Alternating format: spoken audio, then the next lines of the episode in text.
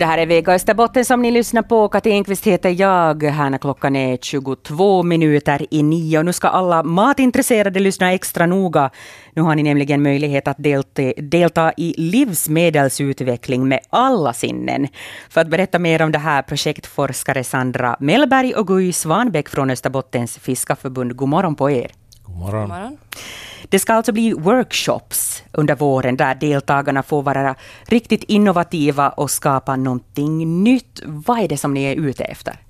No, vi är egentligen ute efter att hjälpa små och medelstora företag i Österbotten inom livsmedelsbranschen. Eh, så nu skapar vi workshoppar där både liksom matentusiaster och vanliga konsumenter då får hjälpa de här företagen att eh, skapa nya produkter. Och det handlar ju då om strömming och mindre värd fisk främst, som vi försöker skapa nya produkter av. Uh, så att, mm. ja, så, att alla samlas ur, så att man får diskutera om uh, utvecklingen från olika perspektiv. Det är som poängen. Mm. Uh, Guy Svanbäck, hur hoppas du att det här ska hjälpa, hjälpa företagen? Och det här är egentligen en sån där ny modell att utveckla produkter på där man tar in konsumentaspekterna redan i första skedet. Så att vi tror ju att, att det kan leda till att man får lite annan syn på, på den här produktutvecklingen inom företagen. Och det här är ju en del av ett, en större helhet där vi samarbetar inom två olika projekt eller program egentligen för att, för att utveckla det. Fråga om Blue Products som ett innovationsprogram och, och Foodbait-projektet så att, att vi har hjälp av väldigt kunnig forskningspersonal i det här. Mm. Men ni tar alltså hjälp då av, av så att säga vanliga, vanliga människor. Kan det bli så att, tror du att, eller tror ni att när man utvecklar till exempel en livsmedelsprodukt, att man kanske hamnar inom en, en låda, inom en ask? Det tror jag absolut inom företagen. Eh, och att de kanske inte eh, tänker på, på vad konsumenten egentligen vill ha, utan vad de själv tror att, att, att, de, att marknaden vill ha. Mm. Och sen också att vi, vi tar in då, eh, experter också från, från experter till de här workshopparna som kan då föreläsa om, nu nästa gång har vi en föreläsning om eh, hållbar utveckling, förväntningar och framtida trender. Så att man får liksom det där perspektivet också på, från andra experter. Mm. Um, på de här produktutvecklingsworkshopparna så ska deltagarna få analysera produkter med alla sinnen eller göra sensoriska bedömningar. Det här låter ju intressant. Hur kommer det att gå till?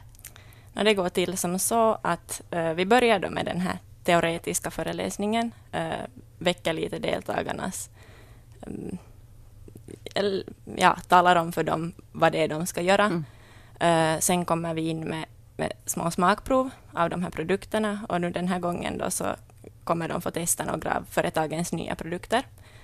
Sen så uh, provsmakar de och vi uppmuntrar dem att lukta och känna på det och känna hur det känns i munnen, vilken konsistens det har, hur det smakar, liksom precis allt. Och man får då lista upp egenskaper, vilka som helst, på en bedömningsblankett och sen så tar vi in de här bedömningsblanketterna och sammanställer dem och så uh, ger vi de här sammanställningarna åt företagen sen.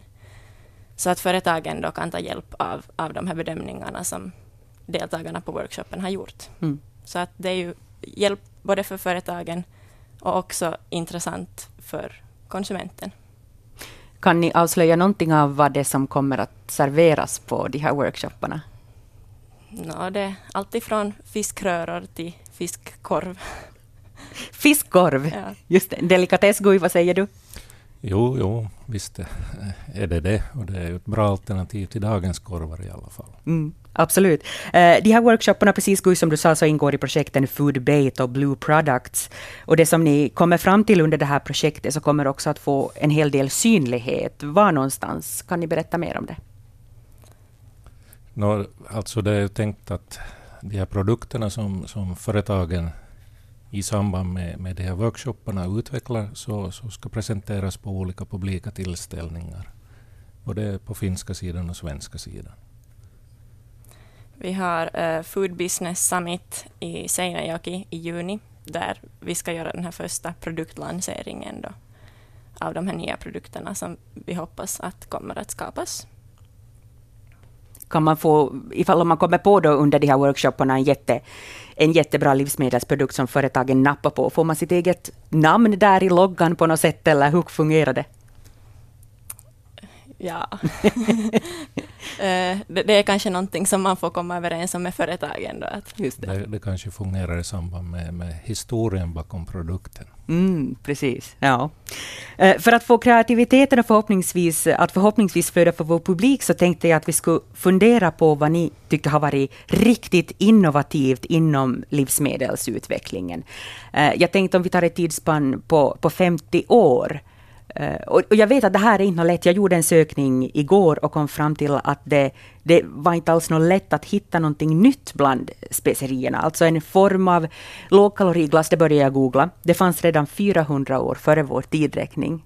Att det är liksom ganska som sådana här gamla eh, saker som man kanske, kanske tänker att det är modernt, så är inte alls det. Och ketchup, eh, som den ser ut idag, så började produceras på 1870-talet. Men kommer ni på någon sån här riktigt innovativ matprodukt? Ja, det där är ju en jättesvår fråga. Men om jag tänker ur, ur det här Blue Products programmets synvinkel på det här, där, där vi ska utveckla högrevärldsprodukter av fisk utgående från fiskproteiner och fiskoljor. Alltså inte från, från själva fisken utan vi, mm. vi spjälker upp den till proteiner, prote, fiskmjöl och sån här av livsmedelskvalitet. Så då kan du hitta på vad som helst. Du kan till exempel sätta lite proteiner i, i läskedrycker eller öl. Vi har ju en massa små bryggerier här i regionen och i Finland som, som kan använda till exempel fiskprotein i, i drycken. Sen har vi kosmetikaföretag som, som kan använda det. Det är ju bra för hyn och för lederna att använda sig av, av det här fiskproteiner och fiskoljor. Så allt sånt här. Mm. Även inom läkemedel finns det möjlighet. Ja. Det här är nog ingen färdig produkt men det är en, en sån här tanke vad, vad som är möjligt. Absolut. Ja. Hur är det med dig Sandra, kommer du på någonting? Eller?